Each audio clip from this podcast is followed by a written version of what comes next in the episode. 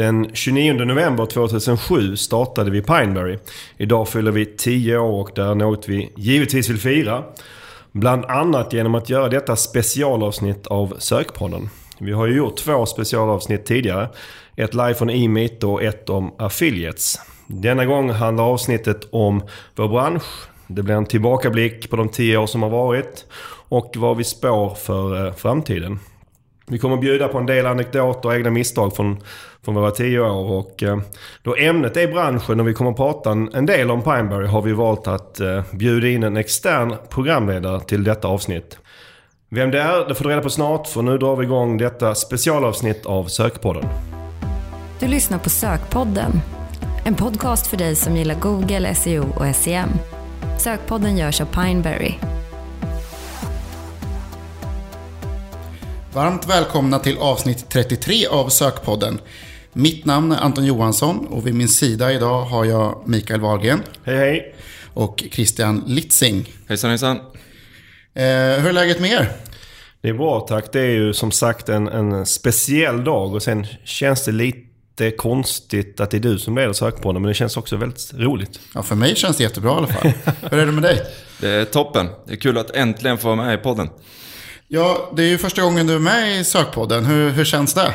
Det känns otroligt spännande att få vara med. Man har ju varit och knackat på dörren några gånger men eh, nu är det äntligen dags. Ja, du, du såg mer nervös ut innan vi började, så det känns bättre nu. Nu känns det kanon. Man kan säga, jag kan fylla i här också, Christian har tjatat en hel del om att, att, att han vill vara med. Men, och, men, och nu vi, har vi hittat det perfekta tillfället. Det har ju varit ett eh, forum mer för specialister men eh, nu är det dags för mig som mer generalist att få delta i podden. Det känns jättekul och spännande. Och för de som inte känner till det, vad är din roll på Pineberry? Jag är VD sedan eh, september 2016 då jag tog över efter Mikael. Härligt. Så nu sitter jag med ex-vd och nuvarande vd helt enkelt. Känns det bra mellan er nu? Det är ingen tension här utan... Nej, det var frivilligt från... Bytet var frivilligt från båda parter. Hoppas jag i alla fall. Det stämmer. Ja. Bara så vi förstår, vad har du gjort innan eh, Pineberry så vi lära känna dig lite bättre? Jag kommer från finansbranschen, eh, där jag jobbade på två stycken nätmäklare tidigare. Eh, men har då sedan, jag är inne på mitt nionde år på Pineberry. Började som försäljningschef och därefter då som VD efter, en, efter 2016. Så det låter som att du ändå känner Pineberry ganska bra helt enkelt. Det gör jag. Det, var, det var, kom inte från, som en blixt från klar, klar himmel i alla fall. Det gjorde det inte. Sen, sen vill jag flika in här också med, ah, de flesta känner ju nog kanske dig Anton, eller vad, vad tror du själv? Jag hoppas det. Ja, men det kanske är några lyssnare som inte riktigt vet vem du är. Du kanske ska kort berätta vad du gör. Ja, men absolut. Som sagt, jag heter Anton Johansson och eh, jag har ju faktiskt eh, jobbat med sök eh, back in the days för eh, 10-12 år sedan. Eh, men numera så, så driver jag e-handelspodden som är en, en podcast om e-handel. Rekommenderar starkt. Ja, jag rekommenderar sökpodden med. eh, och eh, så, så är jag också vd eh, och delägare på en byrå som heter Grebban som är en e-handelsbyrå. Vi bygger kan man säga e-handelssajter och e-handelsupplevelser. Eh, så det är det jag gör. Men, men nu känns det som att vi ska dra igång va, dagens avsnitt. Absolut. Som vanligt har vi tre ämnen för dagen. Vi har branschens senaste tio åren. Det kan ju bli hur spännande som helst. Pineberrys egen marknadsföring. Och framtiden för branschen. Det här kommer bli ett eh, hett avsnitt med mycket ane- anekdoter känns det som. Det får vi hoppas. Eh, då kör vi igång dagens första ämne.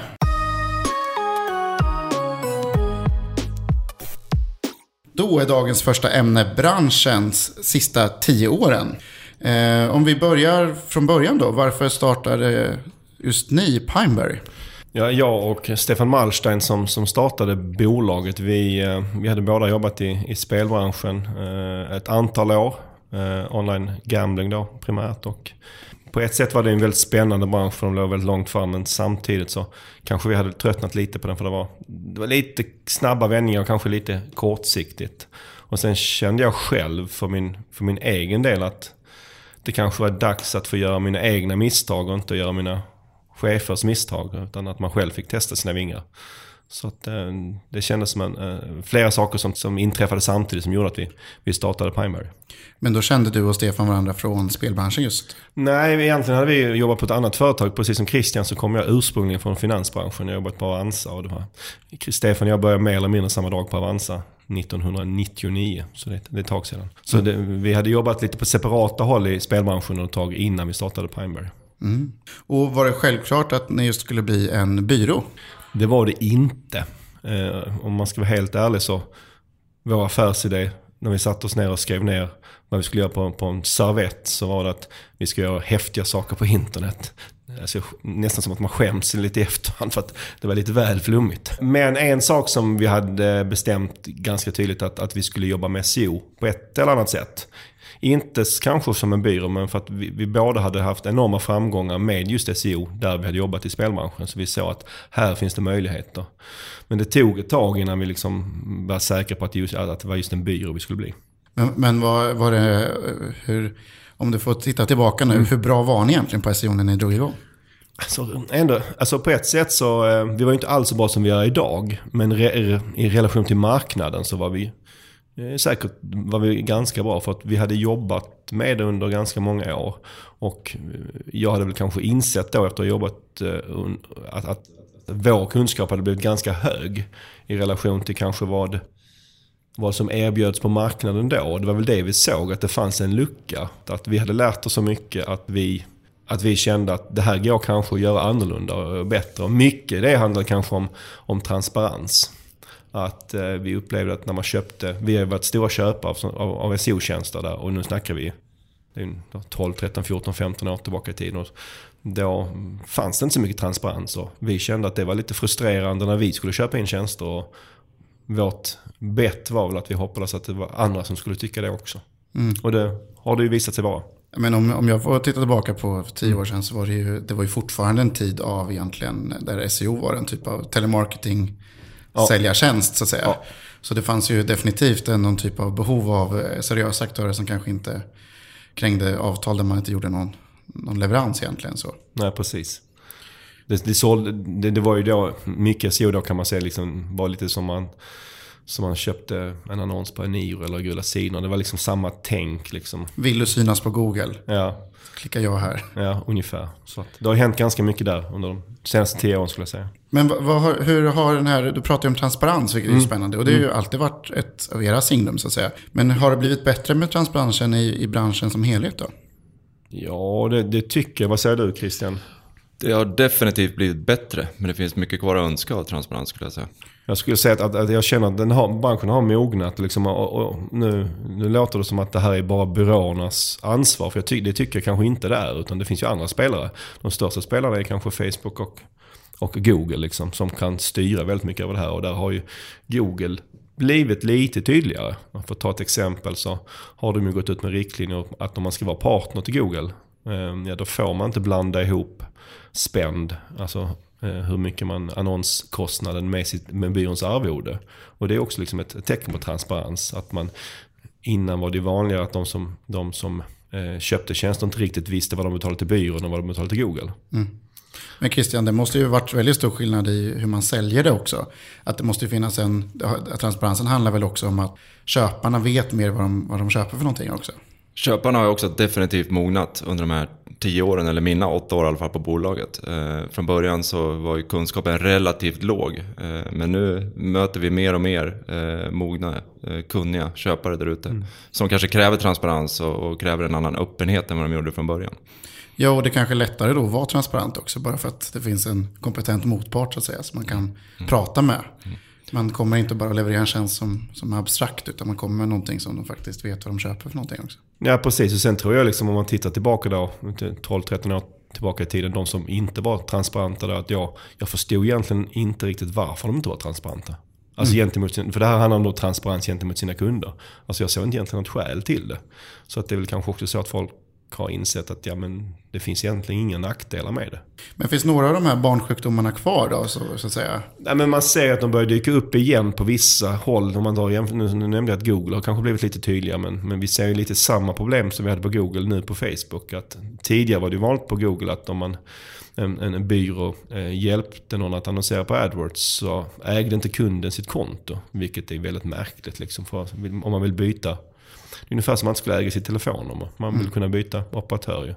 Det, nu ser vi samma sak på Facebook, att det, det, poppar upp att folk blir lite ledsna för att man inte, när man byter byrå så får man inte ta med sig sitt Facebook-konto. Så att liksom det är lite, lite tråkigt att det känns som att det är samma sak som händer där. Men det är bara ge det lite tid så kommer det, det, även det bli bättre. Ja, nej, men det där är en så typisk grej. Vi, vi som webbyrå ser ju ofta att folk har sett tre Facebook-pixlar installerade på sin, på sin sajt. Mm. Det, är inte jätte, det är inte jätterätt kanske. Så det finns en del att göra på, inom vissa kanaler. Ja, det är kanske tur det. Ja, verkligen. Hur har, eh, om man, om man då tittar på branschens utveckling i övrigt, vad, vad har hänt så att säga? Vad, kan ni ta några exempel?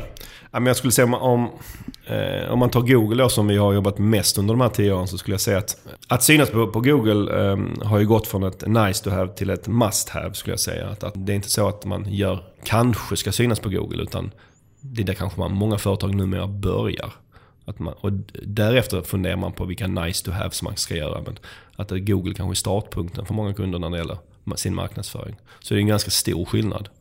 Men Christian, det måste ju vara eh, på, på Pineberry, du som är vd nu och faktiskt kanske ännu bättre koll än Mikael nu på dagliga verksamheten nu. Det måste väl vara så att när man går till en kund idag så är det nästan så att de alltid har en partner redan. Så det, istället för att de inte haft någonting. Stämmer. Eh, vi behöver inte förklara vad Google är längre. Eh, utan det är ju precis som Mikael säger, det är en hygienfaktor att synas där. Eh, och vi stöter ju på kunder som redan har en byrå eller sköter det själva. Så det handlar mycket om hur man kan hjälpa dem utöver det de faktiskt gör idag. Eh, göra det bättre och göra det effektivare än den lösningen de har idag. Ja, för det är ju sällan det händer. Men när vi till exempel ska hjälpa företag med AdWords så är det ju sällan vi stöter på kunder som inte redan har ett konto eller redan har annonserat. Det var ju mycket vanligare för massa år sedan men nu händer det ju knappt. På Facebook händer det ju fortfarande att man blir de första som hjälper en kund att testa Facebook. Men på Google är det ju det är sällsynt. Det är sällsynt. Eh, det strömmar ju mer och mer pengar till Google. Men det startar nog inte fler och fler konton. Det är inte vår bild i alla fall. Nej.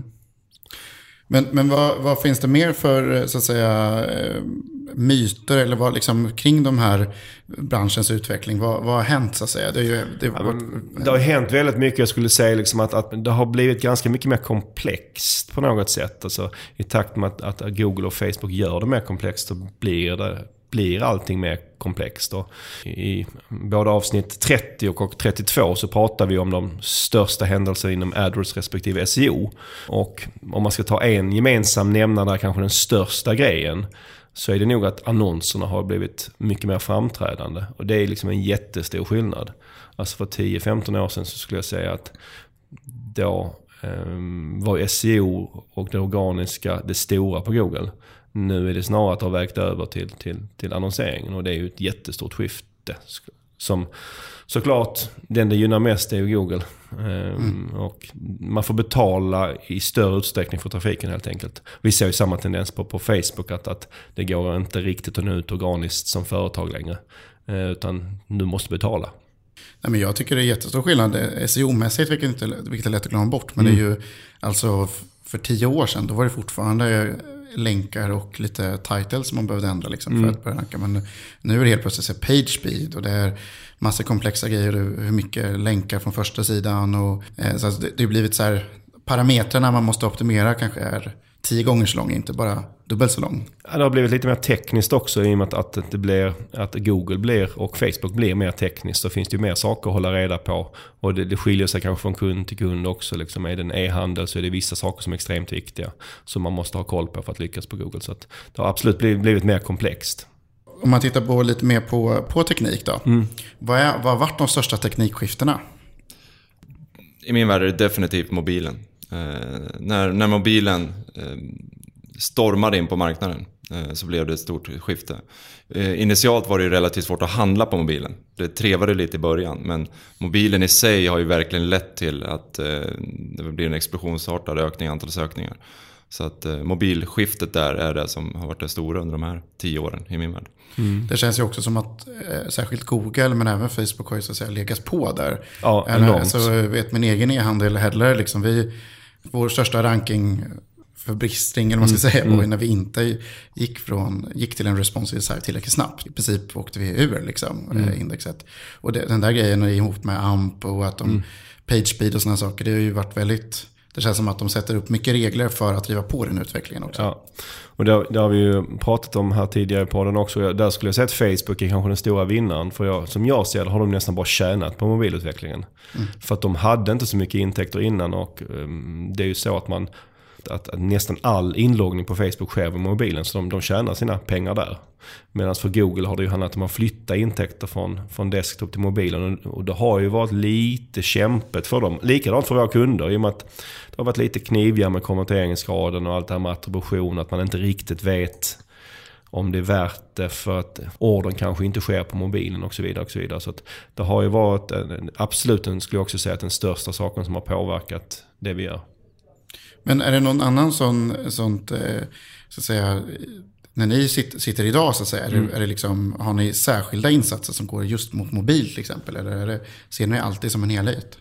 Vi brukar se det som en helhet skulle jag säga. Och det, det bästa är, tycker vi då, framförallt nu med när Google kommer gå över till Mobile First så vill vi ju inte att egentligen att mobilen ska vara annorlunda än hur det ser ut på desktop. För det, traditionellt sett kan det vara så att mobilsidor är lite tunnare än desktop-sidorna och det kommer att vara ett problem framöver. Så ja, alltså, det är klart det finns olika strategier man kan ha men eh, om man har strategin att, att eh, man, man försöker ha ungefär SEO-mässigt snackar vi nu såklart. Att, att, att man har ungefär lika mycket innehåll och sånt på, på mobilen som på, da, på, på datorsidan. Så, så tror jag att det är bäst. Så vi ser det oftast som en helhet. Mm. Men ett annat teknikskifte som jag i alla fall tycker mm. är spännande. Det är ju eh, möjligheten med mer data också. Att det känns som att det finns så himla mycket mer data att jobba med idag. Ja. Det, det, måste ju också vara ett jättestor skillnad för er i ert arbete så. Det, det, är det. En, det är en, liten utmaning. Och jag, senast igår var jag hos Google och de pratade väldigt mycket om det här att man ska automatisera och, och använda AI. Och, och, men för att de modellerna ska funka riktigt bra så behöver man ganska mycket data. Där är fortfarande utmaningen att vi jobbar ju främst då kanske med mellanstora svenska kunder. Det är inte alltid man har, får tillräckligt mycket data. För man måste göra tillräckligt många konverteringar per månad för att det ska bli statistiskt signifikant. Så det spelar ingen roll att man har värsta finaste modellen.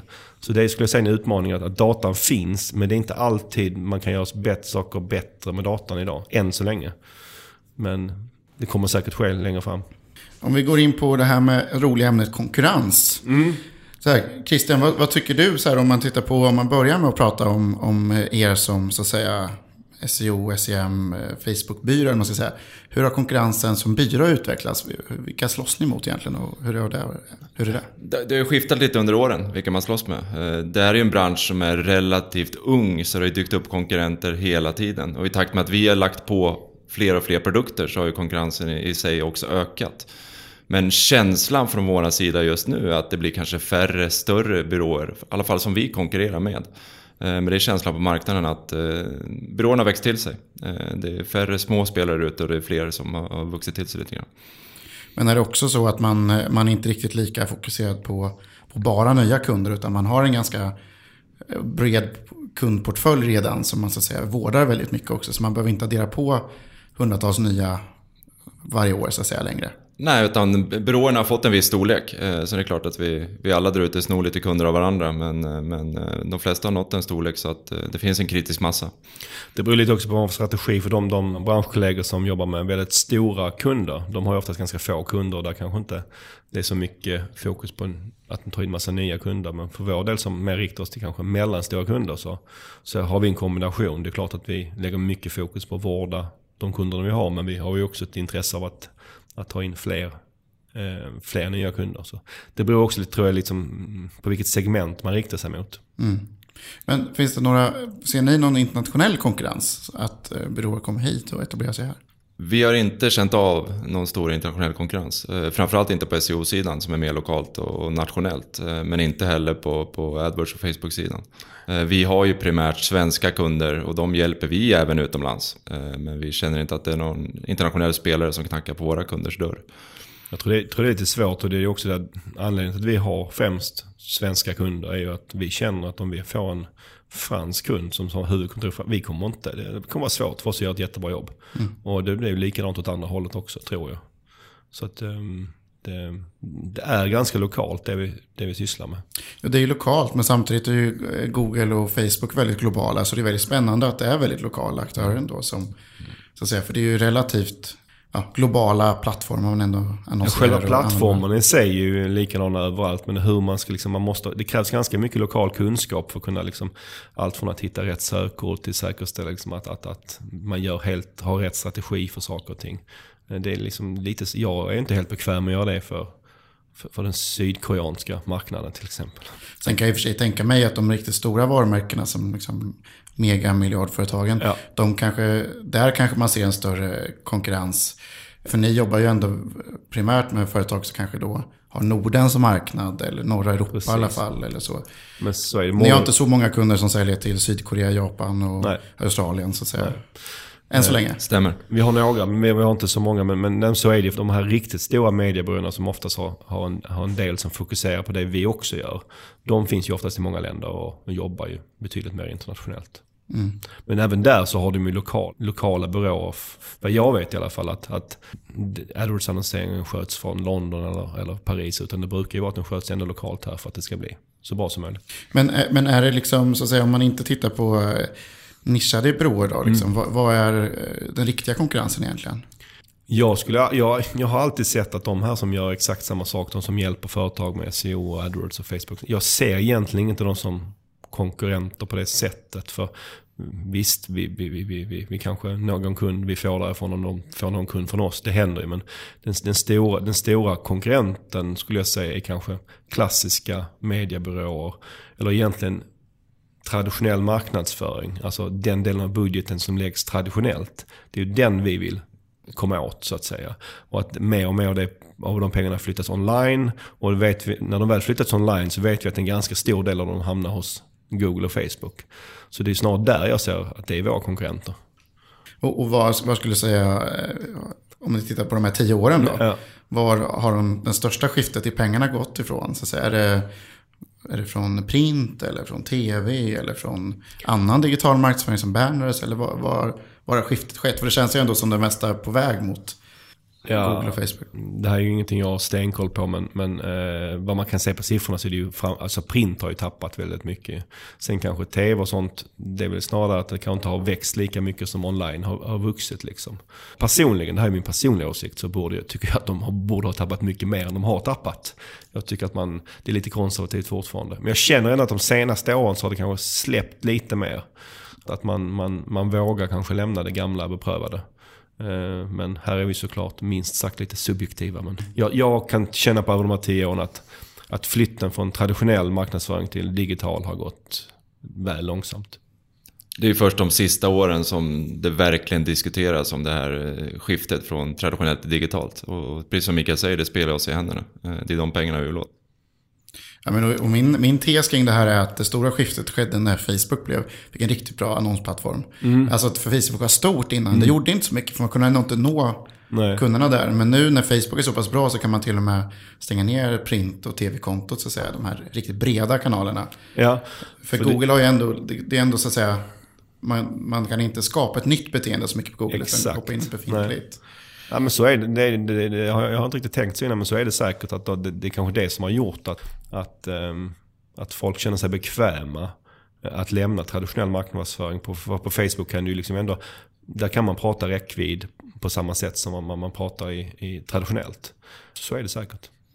Jag har faktiskt varit med om det själv i ett, ett, en eltjänst som jag har startat. Så har vi, la vi jättemycket på olika tv-reklamer och sådana saker. Och sen så, så fort Facebook började funka bra så att säga, då gick i princip hela den budgeten dit. Och det här har ju hänt på två år liksom. Så att det har ju gått ganska snabbt.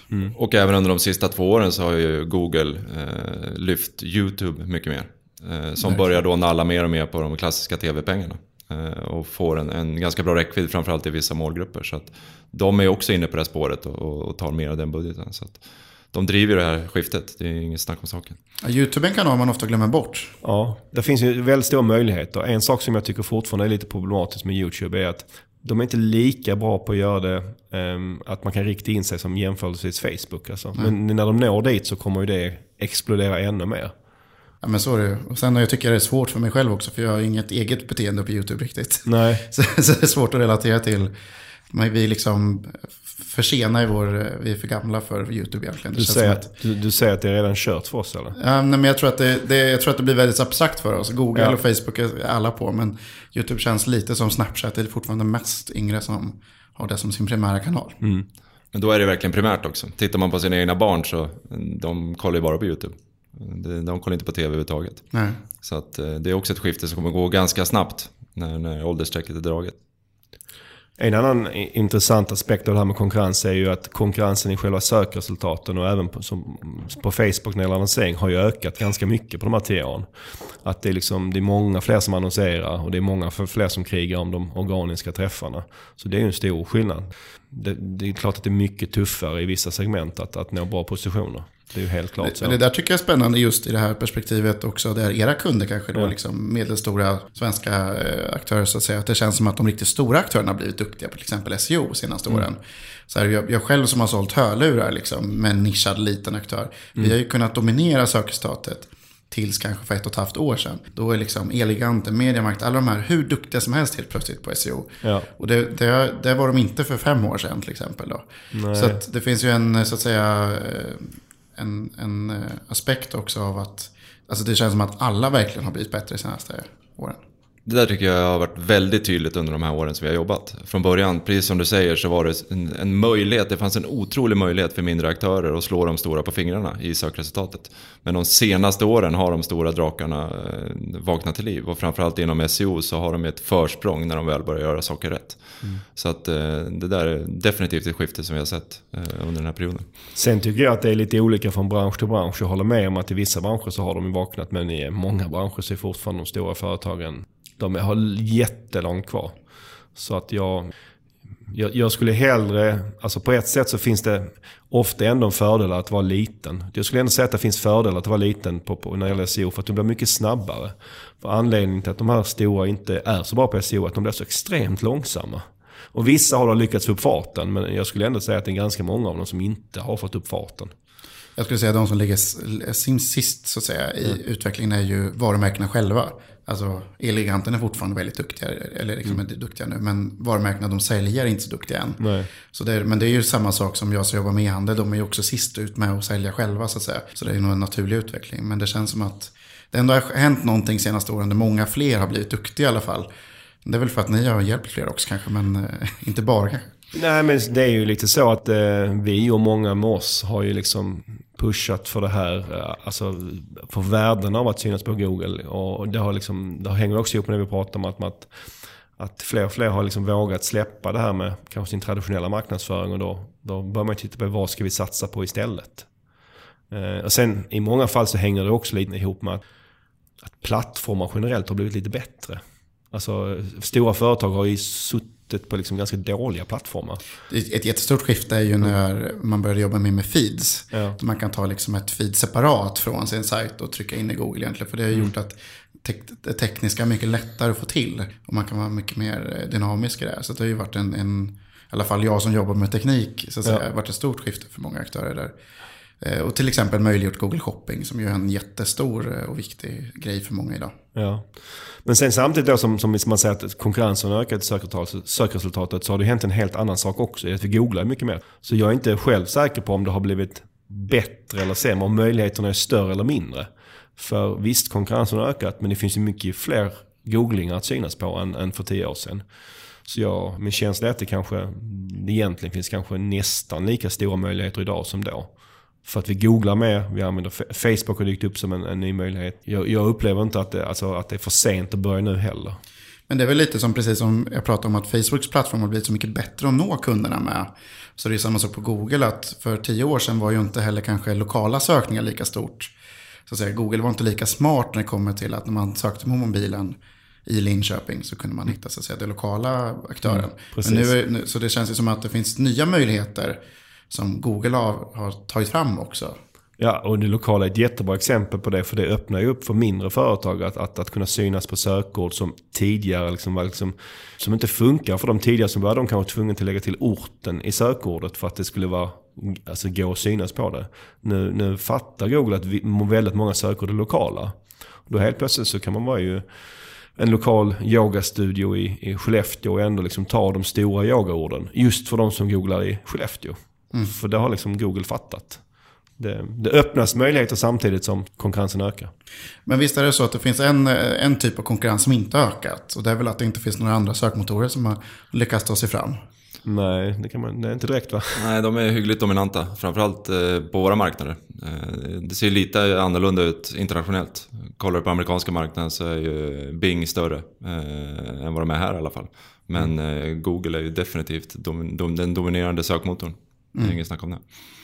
Och sen finns ju även alltså i, i Tyskland, UK, USA så är ju många går ju direkt till Amazon till exempel och söker också eller, eller liknande också. Ja, och det får vi väl se om vi kommer att se det beteendet om nu Amazon kommer till Sverige. För det är väl, jag ser ju liksom ingen sökmotor i Sverige som kan, som kan hota Google. Kanske Amazon när de kommer. Vi får se. Det är ju ändå fascinerande att Facebook har så dåligt sök. Ja, men jag vet inte. Är Facebook ett sökställe? Jag vet inte riktigt.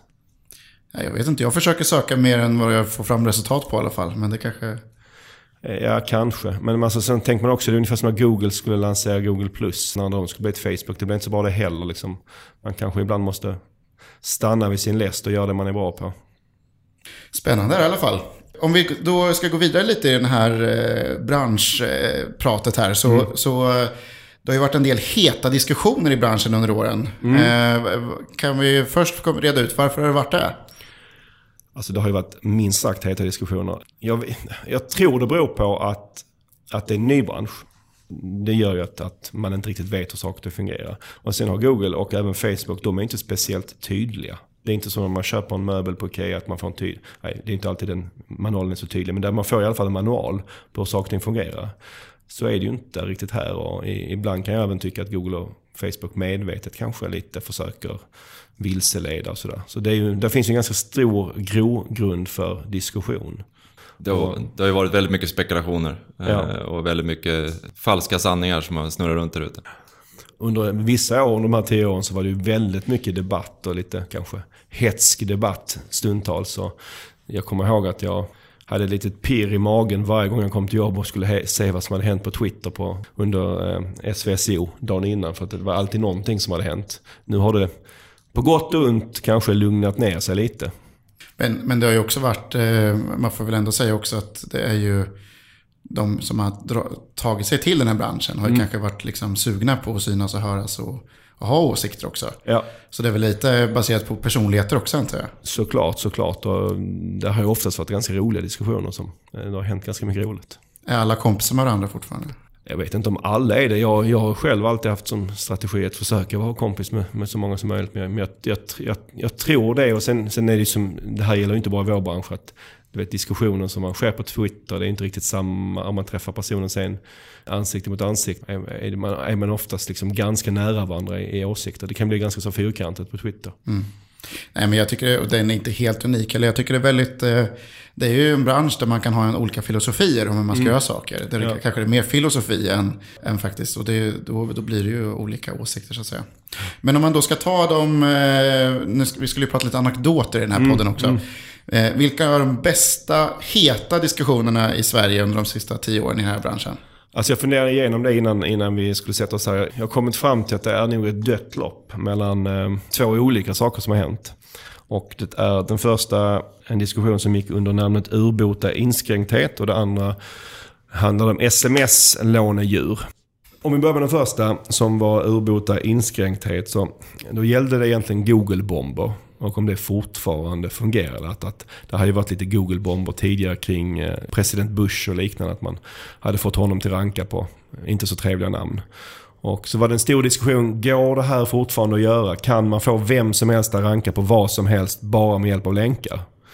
Och så var det några som trodde att det gick och några som inte trodde att det gick. Och då, ehm, då var det SEO-aren eh, Urban Grutero som satte upp ett, ett väldigt roligt test, eller jag tyckte det var roligt. Och det var att få Miljöpartiet, eh, mp.se, att ranka på ordet urbota inskränkthet. Utan att det nämns överhuvudtaget på deras sajt någonstans.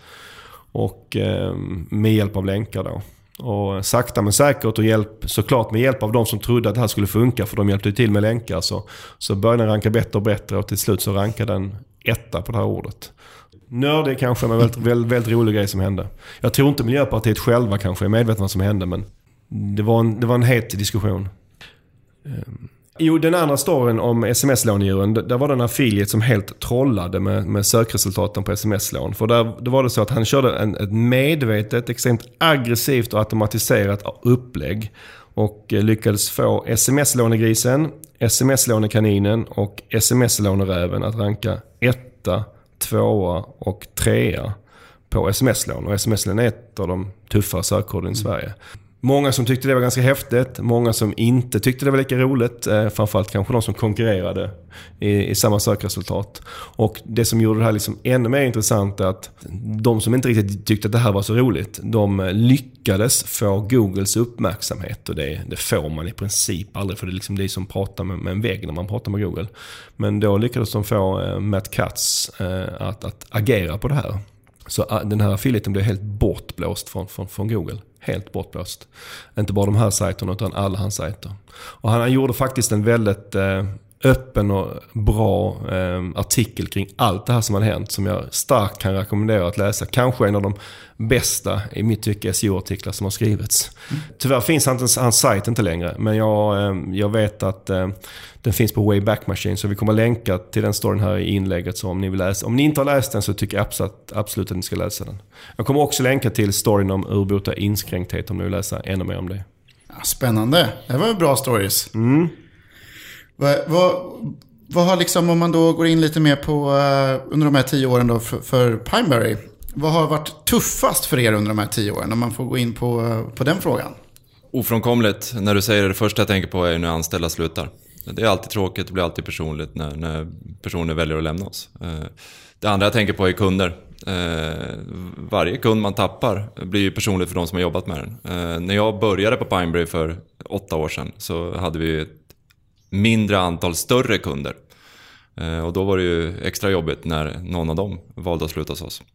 Eller säga upp sitt avtal. Eh, efter det har vi strategiskt gjort ett val att gå liksom bredare på fler kunder och även på fler produkter. Så att den, den risken finns inte kvar i verksamheten. Men eh, när anställda slutar och när kunder slutar är väl det man tänker på som de tuffaste perioderna ändå.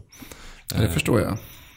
Men om man, om man, det har ju, eftersom det har hänt så himla mycket i den här branschen också. Hur har, det liksom, hur har ni påverkats av de här stora Google-förändringarna som alla pandor och alla pingviner och allt vad de kallas. Ja, alltså, pandan och pingvinen har ju kanske varit de största eh, förändringarna just när det gäller SEO. Och man kan ju tro att de har varit, haft en stor påverkan på oss. Och på ett sätt har de ju, för att man har ju, vi har ju justerat hur vi jobbar efter dem och vad vi rekommenderar. Det är ju självklart. Men jag måste säga att, att kunder har faktiskt en relativt hög förståelse för att Google uppdaterar sina algoritmer. Så att är det så att någon eh, kund fick sämre synlighet efter pandan så skulle man, var man kanske först lite rädd för att de skulle bli arga på oss. Men det upplever jag inte. Och vi, vi har ändå haft relativt få kunder som har haft relativt få kunder som har haft problem med det. Faktiskt. Det är inte så stort problem som man kan tro faktiskt.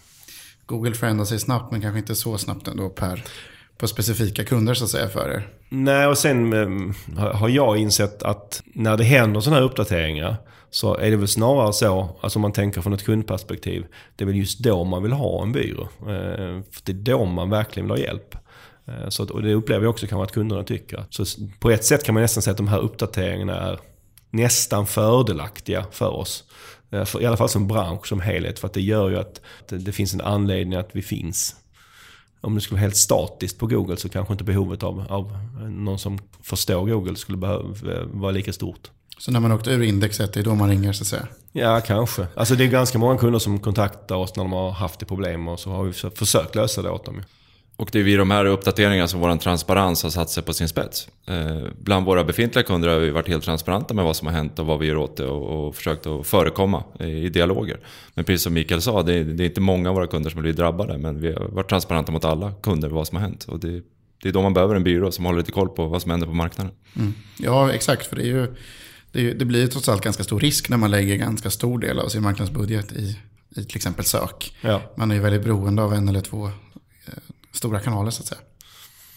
Men om man, nu, nu pratar vi om det som var tuffast, men nu, nu, måste vi gå in på vad som har bäst, varit bäst också under de här tio åren. Det som har varit absolut bäst är att se och, och, hjälpa kunderna att växa. Det som känns bäst är att vi har tagit in kunder som har varit relativt små och varit med på deras tillväxt, tillväxtresa hela vägen. Och kunna slå oss för bröstet och känna att vi har varit en stor del av den, av den resan. Och, och någonstans kombinerat med vår egen resa. Tittar man tillbaka, vilket man gör alldeles för sällan när man bygger bolag. Kollar man tillbaka på vad vi har uppnått under de här tio åren och vuxit från ett garageföretag nästan till att vara 47 anställda. Det, det är en fantastisk resa som man bör blicka tillbaka på titt som tätt. Och som är helt beroende av att kunderna också växt under den här perioden så att säga. Ja, det, det, det är ett resultat av det helt enkelt. Mm.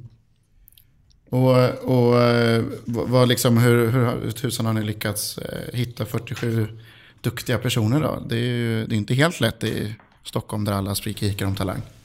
Nej, så är det. Och det är ju inte bara de här 47 vi har idag. Jag, jag har inte siffran på det, men vi har ju säkert haft 100 anställda under, under de här 10 åren. Det är ju såklart alltid svårt att hitta rätt anställda, så är det för alla. En sak som jag tror att vi har varit eh, relativt duktiga på, det är att vi jobbar väldigt tight med teamen här och har alltid gjort. Så att det är ganska, vi är ganska duktiga på att ta in folk kanske direkt från en relevant utbildning och lära upp dem. Så att de blir bra på det här under relativt kort tid. Så det är ju ett sätt att, att lösa det. För det är en ny bransch och det finns ju inte extremt mycket erfarenhet. Ett sätt att lösa det på är att man kan ju också ta in folk och lära upp dem. Mm. Och där tycker jag att vi har lyckats ganska bra. Men, ju, men, och, men sen måste man ju också prata om det, att, så här, hur bra har det gått för bolaget? Mm. Har ni gjort vinst under hela vägen? Hur har det gått så att säga, på rent ekonomiska termer? Vi har ju nio år av tillväxt bakom oss eh, och är inne på det tionde. Och vi har gjort vinst hela vägen. Eh, om jag minns rätt så har vi kanske två månader av förlust bakom oss under de här åren. Så det har varit viktigt för oss att ha tillväxt under lönsamhet. Eh, och det har vi lyckats med under den här resan. Det är ju fantastiskt bra. Ja, och det är det. Och, eh, på ett sätt så, så har det varit... Jag tyckte när jag var vd och sådär att, att det är så extremt skönt att ha ett bolag där man vet att det kommer inte vara problem att betala ut lönen den, den 25. Utan vi har alltid liksom haft, jobbat ganska hårt för att inte ta för stora risker och ha lönsamheten. Nersidan på det, om man nu ska, så finns, finns det ju såklart att, att det är möjligt att vi har tagit lite för få risker. Och hade vi tagit lite mer risk så hade vi kanske varit ännu lite större idag. Att vi hade vuxit lite mer. Men för min personliga del så har det varit ganska skönt att, att ha den marginalen. Mm. Ja, men det är, det är bra jobbat. Mm. Och, men om, vi då får, om jag då får ställa den kanske vanliga frågan, antar jag. Var kommer egentligen namnet Pineberry ifrån? Det är en väldigt vanlig fråga. Det är en ganska lång historia, en ganska osannolik historia. När vi satt för en, ungefär, det är ju tio år sedan nu och skulle fundera på ett namn. Det, och det känner nog alla igen som har startat ett bolag att det är inte alltid så lätt. Och vi hade massa tokiga namn kan jag tycka i efterhand uppe. Vi, bland annat så hade vi, skulle vi heta iConcept, vi skulle heta Interrado eller The Woo. Och det här var inte bara sådana namn liksom som vi bara slängde ur oss utan vi registrerade de domäner. Jag hade kvar domänerna tills för något år sedan. Eh, av lite nostalgisk skäl. Men vi hittade inte riktigt vårt namn. Eh, och sen kom det en tanke på något sätt att Vissa andra företag har ju lyckats genom att kalla sig, alltså använda frukter. Vi tänkte såklart på Apple, men även då fanns det ett företag som hette Blackberry. Jag vet inte, det finns väl kvar, men som gjorde telefoner som var ganska mm. stora. Mm. Och Orange var ju en stor teleoperatör, så vi tänkte vi kanske ska tänka på det temat. Eh, men de flesta frukter var ju upptagna. Eh, så vi kombinerade ihop en frukt av strawberry och pineapple, så det blev det pineberry. Och det som är då osannolika i den här historien är att då, för tio år sedan, så fanns det ju inget som var Pineberry. Det kan man lite se på vår logotyp. Att det, då har vi liksom en, en, en kvist som är lite som en kotte. För vi såg det lite som att pine, alltså pine som i tall också. Så att vi, vi tänkte att det, ja, det här kan vara någon form av kotte. Eh, men det som sen hände för en 5-6 år sedan var ju att det var ett holländskt företag som odlade fram eller korsade fram eh, ett bär som heter Pineberry. Eh, så numera finns det ett bär som heter Pineberry, men vi, vi kom innan bäret. Ja, så Pineberry fanns före Pineberry helt enkelt. Ja. Det är en osannolik story. Ja, och om man inte riktigt tror på den, för det förstår jag att man inte gör, så går det faktiskt att gå in på Wikipedia, på Pineberry-sidan, om Pineberry. Man får gå tillbaka i massa versioner, för det står inte i nuvarande, men man kan ju hitta tillbaka till den. Och där står det, för att när, när väl det här bäret lanserades så trodde den brittiska pressen, för det var där bäret lanserades, att det här var ett aprilskämt från vår sida. Mm. Vilket det inte var. Eh, för Men ni kanske fick några länkar då? Det fick vi. Eh, det fick vi. Och de ringde, journalisterna, jag vet det var någon journalist som ringde mig och frågade om det var ett aprilskämt. För det släpptes dagen innan första april också, så det var, liksom, det var för mycket som såg konstigt ut. Men mm. det var inget aprilskämt, det kom ett bär. Och, och, varje år får vi ju frågor kopplade till, till bäret istället för företaget. Mm. Folk som vill köpa bär och, och, köpa sylt och allt möjligt. Så att den myten lever kvar lite grann. Ja, men det är, det är väl en fin myt att hålla kvar lite grann. Absolut, det är en bra story. Ja, men då känner jag att då ska vi lämna de senaste tio åren och gå vidare till nästa ämne.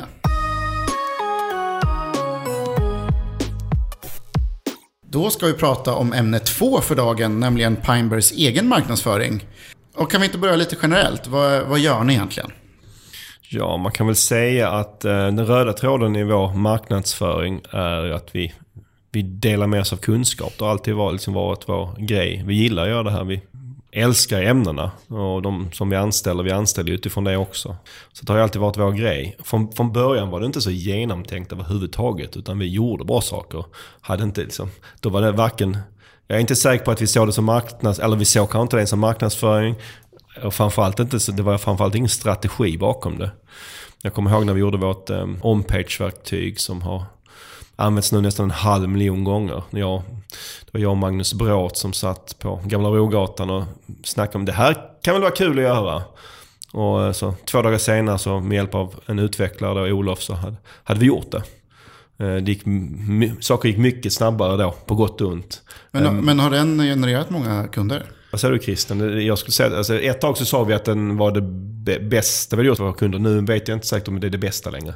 Jag skulle säga att det är en instegsport. Mm. Eh, inom SEO så de flesta kunder får har testat verktyget först. Men sen kanske de kommer in på sajten, läser mer, tar kontakt, eh, lyssnar på podden. Så att numera är det mer en instegsport. Eh, mm. Men de flesta är där och, och, och, pillar lite grann i alla fall. Det är roligt för jag använder den här, jag gör alltid en sån inför att jag ska själv göra en sale pitch. Så mm. gör jag liksom en liten analys där ja. jag tar med en screenshot från det. Ja. Ehm, på deras sajt så att säga. Så mm. det, det, är, det är ett fantastiskt bra verktyg. Ja, och det är kul att du har hållit under så många år. Men, men som sagt, när vi gjorde det så det var liksom inte alls genomtänkt att det skulle varken få den här effekten eller att det var någon form av strategi bakom dem. Men, men sen under åren så har det ju blivit mer och mer av en strategi för oss. Att Vi, vi delar med oss av kunskap från verktygen till att vi har ja, Sökmotorkonsult, Sveriges största blogg på ämnet. Vi har podden här, vi har böckerna vi har gjort, vi är ute och föreläser mycket. Så det är liksom den, den röda tråden skulle jag säga. Mycket skaka händer helt enkelt, eller? Lite så. Och det är roligt att du säger att du, att du testar verktyget. För att eh, det är även konkurrenter genom åren som har kört sina kunder genom vårt verktyg. Som vi har haft lite span på. Men det är ju bara roligt så här i efterhand. Det får de gärna fortsätta göra. Ja, har ni koll på hela branschen till slut. Men, men vad har att säga om man tittar på alla de här grejerna, liksom böcker, föreläsningar, mm. Pineberg Academy, nyhetsbrev och eh, så här, vad, vad, har så att säga förvånat er mest då kan man säga? Alltså på ett sätt är det nog sökpodden, alltså som förvånat mig i liksom den feedback vi får. Alltså det har vi pratat lite om här också men när man, det kommer fram, fram folk och pratar om sökpodden med en sån värme som jag vad vi än annars gör så kommer vi inte nära den värmen. Eh, men det tror jag inte kanske bara har med sökpodden att göra utan det har ju liksom hela poddfenomenet att man är så... Alltså poddar är någonting man ganska enkelt blir väldigt... Som man gillar väldigt mycket. Det är väl nog det som har kanske förvånat mig för jag var inte riktigt beredd på att få den reaktionen. Alltså min egen podd är en podd. Jag, jag, det finns ingenting jag har gjort som fått så mycket respons. Nej. Jag får ju mail varje vecka liksom, mm. även när jag inte släpper poddavsnitt. Och det, det, det, är något speciellt med det här formatet som gör att folk, särskilt skulle jag gissa på inom sådana här ganska nischade ämnen, att det passar väldigt bra att, så att säga, gå in i djupet i, i ett samtal. Men sen som sagt, att, att det här verktyget har använts nästan en halv miljon gånger är också liksom helt orimligt. Och böckerna, ta Guldläge på nätet som jag har skrivit med Magnus Bråth, att den är inne på sin tredje upplaga och när den, den är, när den är slut så har den sålt 6000 exemplar. Alltså en, en bok om SEO i Sverige som säljer 6000. Det är inte många skönlitterära böcker som når upp till det. Det förvånar också liksom att det finns ett intresse här som är större kanske än, än man först skulle kunna tro. Det som förvånar mig mest är ju någonstans eh, resultatet av allting. Summan av allt det här vi gör, den kunskapsdelningen vi gör, genererar ju en offertförfrågan om dagen. Det kommer ju därifrån. Det är via våra sajter, via podden, via eh, vår Academy och, och verktyget och så vidare. Så att, eh, det är resultatet. Så även om man säger att vi har gjort saker lite hipp som happ initialt så den röda tråden har ändå gett ett väldigt, väldigt bra resultat över åren. Och det är, jag antar att det är så att att inkommande eller sådana som kommer i kontakt med de här olika, det är majoriteten av säljarbetet så att säga. Det är där som de flesta leadsen kommer ifrån. Det är där vårt fokus ligger. Vi försöker leva som vi lär. Det är vår egen marknadsföring i, i våra egna kanaler eh, som, som genererar leadsen. Alltså som, som Christer sa, det kommer ungefär en offertförfrågan om, om, om dagen. Och det är ju från det här arbetet vi gjort på ett eller annat sätt. Och vi har en relativt liten del liksom annan kallade utgående försäljningar där vi själv kontaktar. Det händer ju såklart men eh, i förhållande till hur mycket kunder vi har så är det relativt litet. Så att det är det här som har blivit vårt sätt att växa på under åren. Och eh, som, som, I början var det inte alls strukturerat eller planerat men nu är det ju självklart att det är strukturerat och planerat. Och vi, vi tänker ganska mycket på vad vi gör och vi mäter väldigt mycket och ser vad som funkar och vad som inte funkar för att kunna göra det bättre. Och det, och det är såklart en, eh, det här tycker jag verkligen där ni har varit pionjärer i branschen. Där man, som jag sa tidigare, liksom att man kommer väldigt mycket från, väldigt mm. mycket outbound. Att man mm. sitter och ringer egentligen till att gå tillbaka till det andra. Nej, vi ska hitta de som faktiskt vill ha hjälp. Och de ska hitta oss på olika sätt via föreläsningar eller sök eller vad det, eller liksom det här verktyget vad det kan vara. Det är ju, mm. Där har ni verkligen varit tidigare i den utvecklingen i den här branschen. För det är ju, för tio år sedan var det inte så många som jobbade så. Nej, och jag tror liksom anledningen till att vi lyckas göra så många saker kring det här som har fungerat är också att det här låter kanske lite klyschigt, men vi brinner verkligen för ämnet och att dela med oss av kunskapen. Så det blir ju mycket enklare att göra saker då när vi, alltså när vi tycker det är så extremt kul. Och allt från att vi poddar till att, att skriva nya artiklar och så vidare. Vi, vi tycker verkligen att det är kul. Och då, då blir det oftast ganska bra till slut. Men, men eh, om ni tittar på idag då, liksom, mm. hur, hur kommer ni på och hur bestämmer ni vad ni ska göra idag? Är ni lika så att säga, naivt, eh, test, ni testar nya grejer som när ni startade, att bara köra igång och se vad som händer? Eller hur, hur jobbar ni idag så att säga med, med egen marknadsföring? Alltså vi, vi tänker lite mer innan vi, vi startar. Ta sökpodden som en av de sakerna vi ändå startat i modern tid. Det, var väl, det är inne på tredje året. Så var det ganska mycket analys innan. att okej okay, Eh, finns det en marknad för det här? Alltså vilken nisch ska vi ha det på? Sökpodden är mycket nördigare än allt annat vi gör och på en liksom helt annan nivå. Och, eh, vilket format ska det vara i? Vi funderade en hel del på om det skulle vara videoformat istället. Men sen kände vi att, nej, att det är nog att lära sig ljud, att lära sig bild också. När vi, tar, vi, tar, vi börjar med ljud. Eh, och så vi liksom hade koll på hur ska vi distribuera det här sen också. Liksom. Att vi hade tänkt igenom hela, innan vi började så vi tänkt igenom allt. Och vi bestämde oss att vi kör det här i ett år oavsett hur det går. För liksom, vi gjorde en stor satsning på det här. Så tänkte vi inte innan utan då var det bara att nu gör vi och så testar vi och sen får vi se. Så att där skiljer det sig. På gott och ont så gör vi det annorlunda idag. Behöver någon komma till dig Christian och, och be om pengar och, och, att de får lägga tid på saker? Eller kan folk bara köra igång med satsningar som Mikael? Det är väl lite mer strukturerat. Just Mikael är lite svårare att hålla i tyglarna. så att, eh, han är fortfarande ute och springer på det här sättet. Men man kan sammanfatta det som att vi mäter saker mer idag. Eh, vi håller mer koll på effekterna av det vi gör. Vi skruvar mer på sakerna eh, än vi gjorde historiskt. Men sen är det väldigt mycket som har blivit rätt historiskt också. Så att, men, men det är lite mer mätning idag än det varit innan. Har ni någon marknadsavdelning så att säga? Eller någon... Vi har en marknadsavdelning och det har vi haft under ganska många år. Eh, men där fokar vi verkligen på det som fungerar. Vi... Men det där är en bra fråga så att säga. Hur, hur, hur bra koll har ni på ert eget varumärke och hur det uppfattas? I klassisk mening kanske inte så bra koll. Eh, utan det är mer i feedback och att vi ser att saker fungerar. Vi mäter inte varumärket på det sättet, det gör vi inte. Nej, men sen försöker man ju alltid få en känsla när man pratar med folk, till exempel på SEO-snack. Så, så, så, frågar man folk runt omkring och då brukar de berätta också vad de har för bild av oss. Och ibland, eh, ofta är det en positiv bild. Man försöker få in det, liksom, att vad folk, vad folk tycker om oss och vem vi är. Och nu är det ofta så när man träffar folk att de, när vi berättar hur stora vi är, vi tycker själva att vi är ganska stora, men att de ibland tror att vi är större. Mm. Sen får vi en temperaturmätare från våra leads och från våra kunder också. Eh, vi är ju måna om att fråga dem hur de har hittat oss och så. Det, det är ju en hel del offertförfrågningar och leads kommer via rekommendation. Eh, så det, det, är ett bra bevis på att varumärket är starkt inom den här nischen. Mm.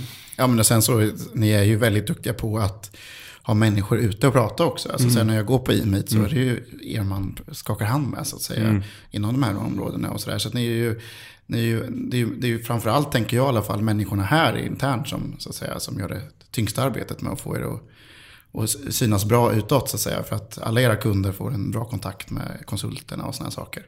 Ja absolut, men det är, det är så vi jobbar. Och vi, vi har ju också liksom en, har alltid haft en väldigt stor andel konsulter då kanske jämfört med, alltså, att vi har väldigt mycket stort fokus på leverans och, och fokus på kunskap. Och det, jag hoppas och tror att, att våra kunder upplever då att det liksom även, alltså att bilden av oss speglar det. Mm.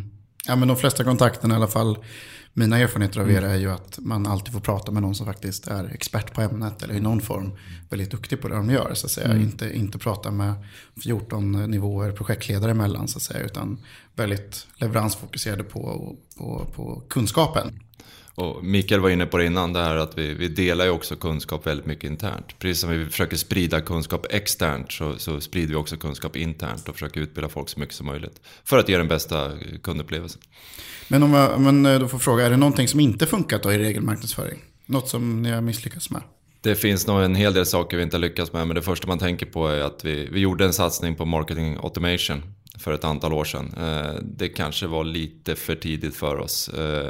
Och, och, vi la ett fokus i den satsningen på att egentligen försöka värma upp redan varma leads ännu mer. Eh, för att det är så att när kunderna väl kommer i kontakt med oss så har de gjort hela sin eftersökning innan. Vi börjar kanske lite väl sent i leadstratten. Så att det var inte en lyckad satsning kan man ju säga så här efterhand. Men marketing automation som koncept tror vi såklart fortfarande på och nu håller vi på att utveckla och eh, att vi själva ska göra det i, i vissa leadskanaler. Eh, men mer i egen regi då kanske. Alltså, ja, men, men, varje gång vi pratar om det så mår jag faktiskt lite dåligt att, att jag inte fattar det då. Men, men så är det, att man lär sig. Man lär sig så länge man lever. Men istället för att värma upp li, våra leads så jag tror nästan vi kylde ner dem. De var väldigt heta när de kom och så försökte vi dem för att göra massa andra saker än det de, de ville göra. Så det var en, en ganska stor tankevurpa. Men sådana gör man dem också. Såklart. Men eh, nu måste vi prata, ni, ni, vi måste prata om er egen SEO också. Ja. Det här är ju spännande. Det här är ju den stora, så att säga genom åren ändå, eh, snackisen i branschen. Nej, men de rankar inte ens bra själva och sådana saker. Ja. Hur, hur nöjda är ni med er egen SEO?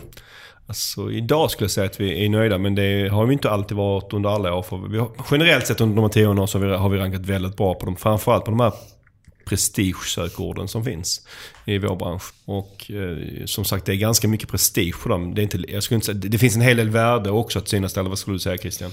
Det finns det definitivt. Eh, och, och, kanske lite mer historiskt. Eh, det är inte lika vanligt idag, men historiskt så var det den första frågan kunderna ställde. Vart rankar ni själva? Vi vill jobba med den som rankar högst. Mm. Så att då la vi extremt mycket fokus på det. Men precis som Mikael säger, det har ju varit lite berg och dalbana under åren.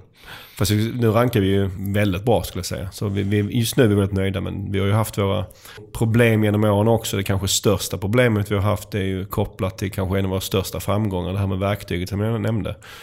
För det som hände där var ju väldigt speciellt. För och det här, jag förstår om man inte riktigt köper det jag kommer att säga nu, men så här var det faktiskt. Att när vi gjorde det här verktyget, vi tänkte inte så mycket på någonting. Vi gjorde så att vi, om man fick en viss poäng i verktyget så får man ju en, en, en liten badge på att jag, jag har, det här är ett bra, det här är kvalitet liksom. Jag har över en viss poäng och den här är SEO-optimerad den här sidan. Så fick man lägga in den här badgen på sin sida och så länka den till oss. Bilden länkar till oss. Och vi trodde ju inte att någon skulle göra det överhuvudtaget. Och vi hade inte riktigt tänkt för oss. Jag tror det var jag som skrev in det. Jag kommer inte riktigt ihåg. Men det vi också gjorde här var att på alt-taggen på den här bilden som man la in så bara skrev ju någon ner sökmotoroptimering. Utan att tänka egentligen vad det egentligen kommer innebära för konsekvens. Men det som hände sen var ju att det var så extremt många som la in den här badgen. Och sådana här badger lägger man oftast in då site på sina sidor. Så det blir väldigt mycket länkar. Och i alltexten på de här bilderna så stod det sökmotoroptimering. Så vi har ju blivit liksom, fått en problem med Google på grund av att vi har haft så extremt mycket länkar från de här grejerna. Så vi var ju med vår ena sajt sökmotorkonsult som rankar jättebra på ett av prestigeorden och sökmotoroptimering. Så var vi ju, vi tappade ju rejält under ett par år och hade jättestora problem att lösa det här. Jättestora problem. Men nu har vi ju lyckats knäcka det. Det är också lite lustigt hur en av ens bästa framgångar kan bli en, en motgång också. Mm. Och, och, om man kollar på eh, AdWords då, hur, hur nöjda är ni med det Christian? Vi är extremt nöjda med AdWords. Eh, tittar man på, på vår egen annonsering så har det funkat extremt bra. Eh, både när vi annonserar för event och saker vi har men även för att driva leads till oss har det varit en, en, en, en bra tillväxtmotor. Tittar man på det som produkt Så det enda man kan säga så här i backspegeln är att vi borde ha satsat på det tidigare. Vi började ju relativt sent, tycker vi själva, med AdWords. Eh, på tal om anekdoter så kommer jag ihåg ett strategimöte som jag var med på 2009. Eh, och då fokuserade vi ju bara på SEO. Och så kom AdWords-frågan upp. Eh, och alla i rummet, jag ska inte nämna vilka som satt där, men bland annat Mikael. Jag satt där. var ju rörande överens om att vi inte skulle satsa på AdWords. För att vi trodde att det kannibaliserade på våra SEO-intäkter. Och ack så fel man kan ha. Men, men vi var ganska snabba på bollen efter det. Så vi, vi började ju satsa lite på, på AdWords redan 2010. Men, men det, det skulle vi gjort redan från början tror jag. Jag har inget minne alls av det mötet, men det är väl för att jag förträngt det för att det var så dumt. Men, mm. eh, och, och, ni eh, båda erbjuder ju produkten Facebook-annonsering. Mm. Och gör ni det här själv också? Absolut, och där får vi ju tänka lite annorlunda. Om man tar på våra kunder generellt sett så i vissa fall så kan de ju tänka likadant på Google och Facebook. Att det vill säga att de jobbar mot samma mål. Men i vår värld så måste vi tänka lite annorlunda. För att på Google så vill vi åt de som just nu vill ha hjälp med det vi kan erbjuda. På Facebook kan vi hitta de som är intresserade av det men de kanske inte vill köpa just då. Så det använder vi ju mer för att bjuda in till våra olika events Eh, och, och eh, skapa synlighet och branding och sälja böcker. Alltså lite, lite andra, lite kanske säg, mjukare grejer än, än, än, än, att man ska bli kund direkt hos oss. Och det har ju funkat väldigt, väldigt, väldigt bra. Alltså, att till exempel bjuda in till våra föreläsningar. Vi, vi betalar en tiondel för varje deltagare jämfört med vad vi betalade innan när vi bjöd in på kanske traditionellt sätt via olika köpta register och liknande. Så det är extremt effektivt. Och vi fyller upp de eventen väldigt, väldigt snabbt. Ja. Eh, bara på ett par dagar så brukar vi fylla ett sånt event genom vår Facebook-annonsering.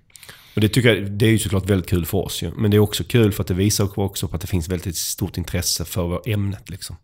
Jag tror ju också man, alltså jag tror ju verkligen det är underskattat med Facebook-annonsering ur B2B-perspektiv. Ja. Eh, vi på Grebban använder till exempel för rekrytering. Vi har hittat våra tre senaste rekryteringar via Facebook-annonsering. Mm. Så det finns ju mycket möjligheter där som man kanske inte alltid tänker på. Och föreläsningar eller events är ett jättebra exempel på där man, ja, man behöver inte alltid annonsera sina produkter. Man kan annonsera andra delar av leadsgenereringen så att mm. säga. Det enda där med Facebook-annonsering, jag vet, jag vet inte om, om det är så. Det kan vara så att vi syns, har syns för mycket. För som jag nämnde tidigare så är det ganska ofta att folk kommer fram och pratar om sökpodden och är väldigt positiva. Det är ganska ofta också folk kommer fram och säger att vi, ni, vi att vi syns väldigt mycket. Eh, och kanske jag då framförallt också. Att och det, jag har fått några kommentarer att folk har kallat mig SEO-mannen. Men lite så raljerande kring han Ipren-mannen. Eh, så jag vet, det kan vara så att, jag vet inte, att vi syns för mycket. Jag vet inte. Men, mm. Eh, men jag tror du kan stå ut med det epitetet jag, eller? Jag kan, jag, kan, jag kan stå ut med det. Men jag, alltså när man funderar på vad som är bäst för oss så, så, ja. så syns vi väldigt mycket. Jag tror du får fixa nya visitkort till eh, Mikael. Och med det lämnar vi detta ämne och beger oss in i framtiden. Och då går vi in på ämnet framtiden för branschen. Eh, hur ser ni på framtiden för branschen och vilka är de stora sakerna ni ser kommer hända? En sak, eller hur Christian, som vi tittar ganska mycket nu på är ju automatisering, eller hur? Definitivt. Eh, det är ju det är däråt det barkar. Det är ofrånkomligt. Eh, automatisering, effektivisering för våran värld. Eh, vi tittar ju dels på Google och Googles egna lösningar. Vi kollar på externa, andra typer av lösningar för att hänga på den här trenden. Eh, vi kollar på möjligheten att bygga det själva, men det är där en stor del av vårt fokus ligger på automatiseringssidan just nu. Och man ser där också att Google vill ju verkligen eh, att man ska göra det här, gå åt det här hållet. Ett exempel är att de nyligen har ändrat hur man kan växla annonser på AdWords. Så att man, de har tagit bort alternativen. För de, de vill egentligen inte att man ska välja så mycket. Utan de vill ju egentligen att Google ska välja åt en. Problemet där upplever vi ju, det är därför vi tittar ganska mycket på externa lösningar också, att Google har inte samma incitament som våra, våra kunder. För de vill ju oftast de vill ju maxa sin intäkt. Vi vill ju maxa våra kunders intäkt. Och det är inte alltid samma sak. Exempelvis när man, när man tittar på, på de här budgivningsfunktionerna som Google erbjuder idag. Så visst, om vi går över till automatisk budgivning så för vår del är det bra. För det blir mindre jobb för oss ju. Men det är ganska ofta det blir mycket sämre för kunderna. Eh, för att modellerna är inte riktigt där inne. det kan man koppla tillbaka det vi pratade om innan om data. det hänger ju oftast i hand med att de inte har, finns tillräckligt mycket data för att de här modellerna ska funka tillräckligt bra. Så att jag tror det kommer hända mycket på den här fronten men vi är inte riktigt i mål på alla delar ännu. Nej, det, det är vi inte alls. Men, men precis som Micke säger, det, vi kollar brett. Eh, så att eh, vi, vi lägger mycket fokus på det, men vi är inte någonstans i målen. Det känns som att Google i alla fall har bestämt sig för att det är det här som ska göras. Så, att säga. så då måste man hänga på på något sätt. Absolut. Hur, eh, vad, vad, finns det mer för, för uh, saker ni ser framför er då? Alltså AI och alltså artificiell intelligens är ju om möjligt en ännu större snackis än just automatisering. Och eh, Googles VD eh, har ju faktiskt sagt att, att de kommer, nu går de från Mobile First till AI First. Alltså det är det som är det viktiga för Google. Och eh, RankBrain är ju såklart ett väldigt bra exempel på, på AI. Eh, sen, sen tycker jag AI, liksom, det är ju lite svårt att alltså, ta på. Det är lite flummigt. Och tar man just RankBrain så, så har Google sagt att det är den, numera den tredje största signalen. Så det är ingen tvekan om att, det tror jag också, att det påverkar sökresultaten ganska mycket. Så är det säkert. Däremot så tycker jag inte det påverkar har påverkat vårt arbete direkt speciellt mycket än. Och det är där jag har lite svårt än så länge att se exakt vad AI kommer innebära för oss och för branschen.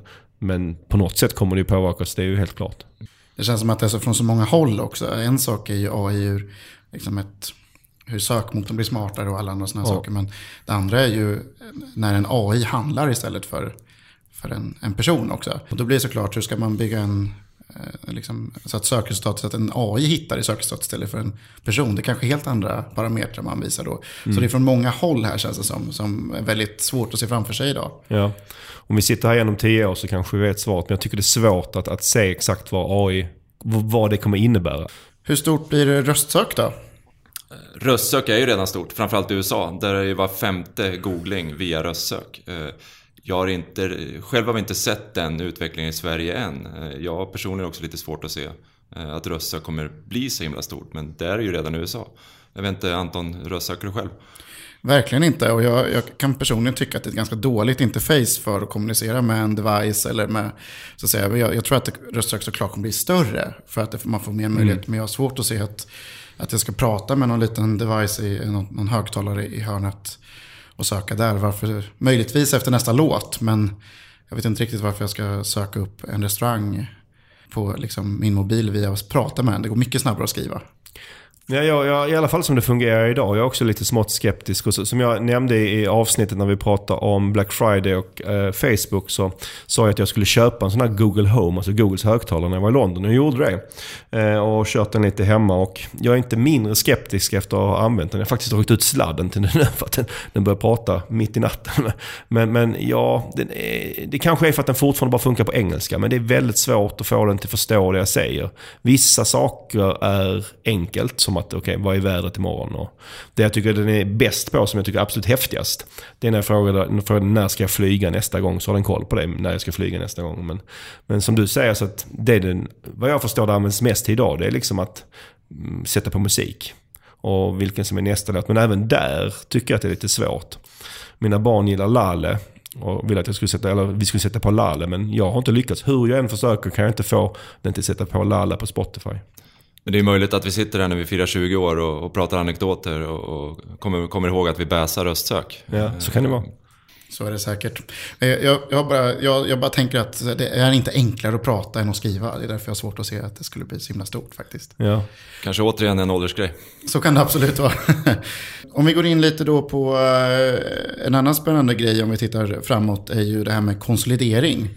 Hur, hur ser det här ut i den här branschen? Det har ju till viss del börjat. Eh, jag har sagt, eller vi har sagt det flera gånger, att vi tycker att det kanske tagit ganska lång tid. Eh, tittar man på andra branscher, vi är själva från nätmäklarbranschen, där skedde det väldigt snabbt. Man gick från 13 nätmäklare ner till 3. Eh, men min bild är att det har börjat lite grann nu. Vi har ju sett Konventionista, Coromando, vi har sett Outfox och iProspect.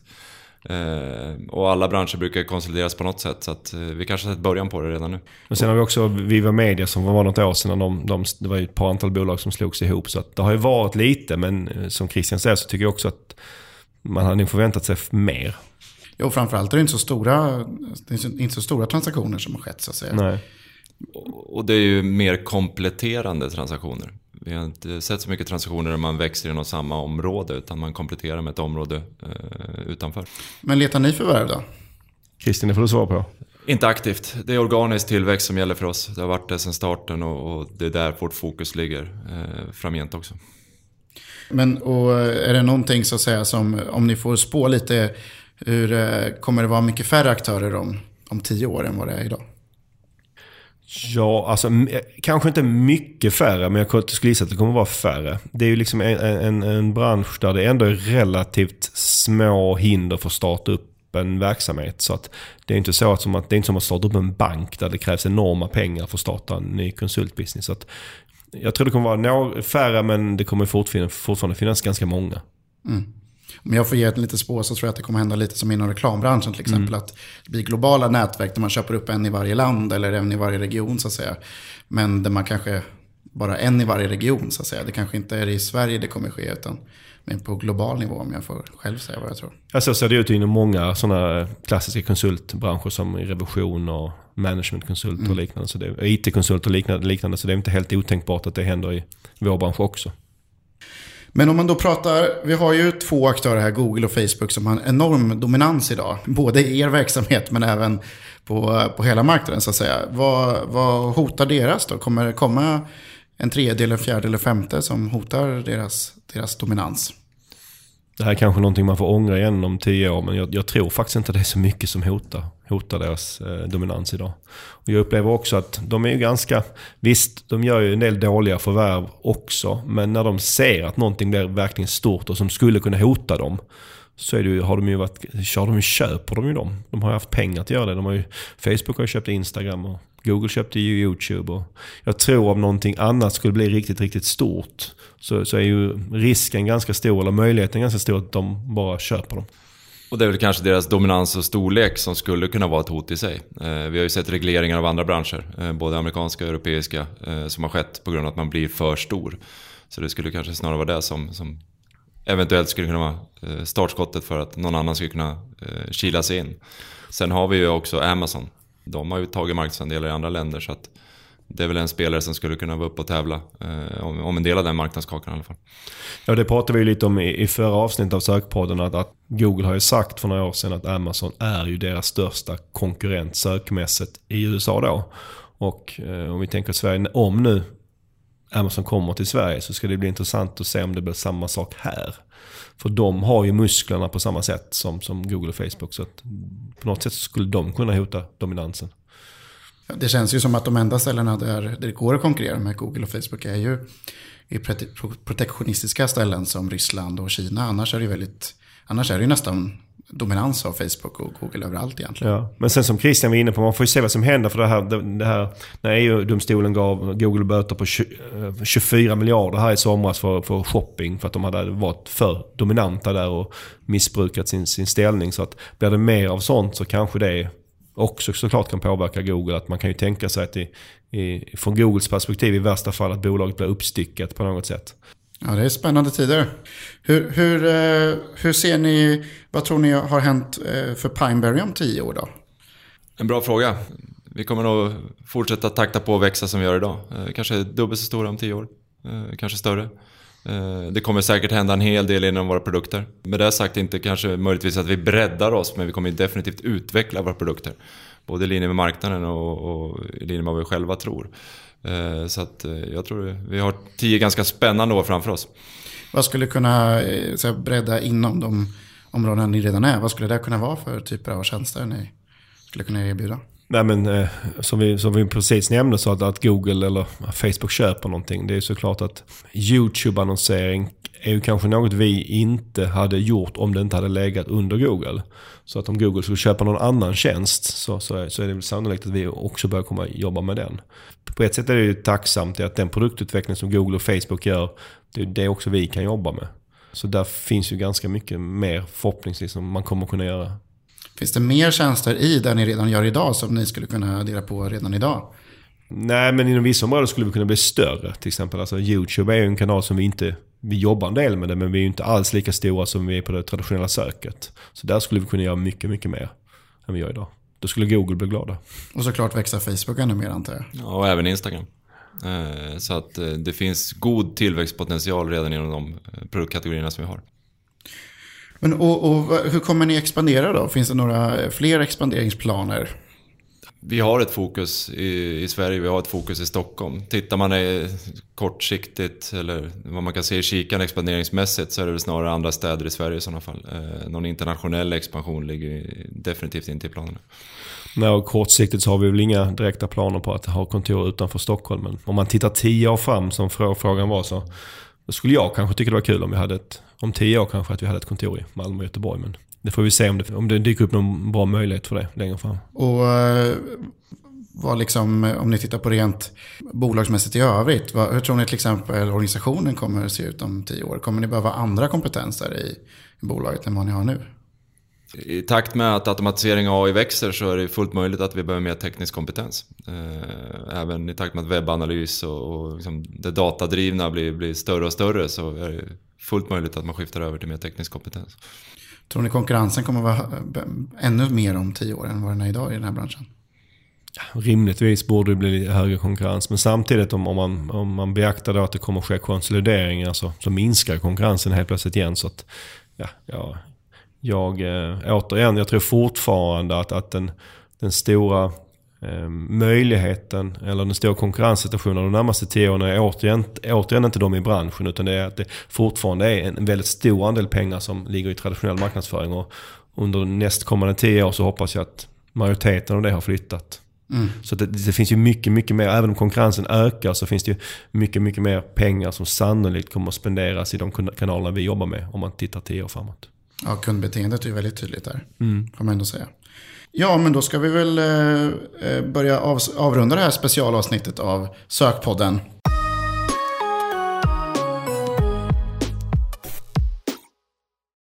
Hur ska ni mer fira att ni fyller tio år? Först och främst så blir det väl lite, lite champagne och, och tårta under dagen. Eh, men i övrigt så kommer vi kombinera tioårsjubileum och julfest lite längre fram. Eh, så att eh, den här dagen kommer inte gå obemärkt förbi. Ja, det är härligt. Även om det är ett specialavsnitt så vill ni ändå ha feedback, eller hur? Ja, som alltid det är sättet vi kan bli bättre på. Så hör av dig som vanligt på mail sokpodden.pineberry.com eller at sokmotorkonsult på Twitter och berätta vad du tyckte om dagens avsnitt eller om du har idéer och tankar kring framtida avsnitt och ämnen som vi borde ta upp. Och eh, nästa avsnitt det kommer lagom till jul den 21 december. Då tackar vi alla som lyssnat idag och tack för att ni bjöd in mig. Det var superkul. Det är vi som ska tacka dig Anton. Tack, tack. Tack och hej. Tack och hej.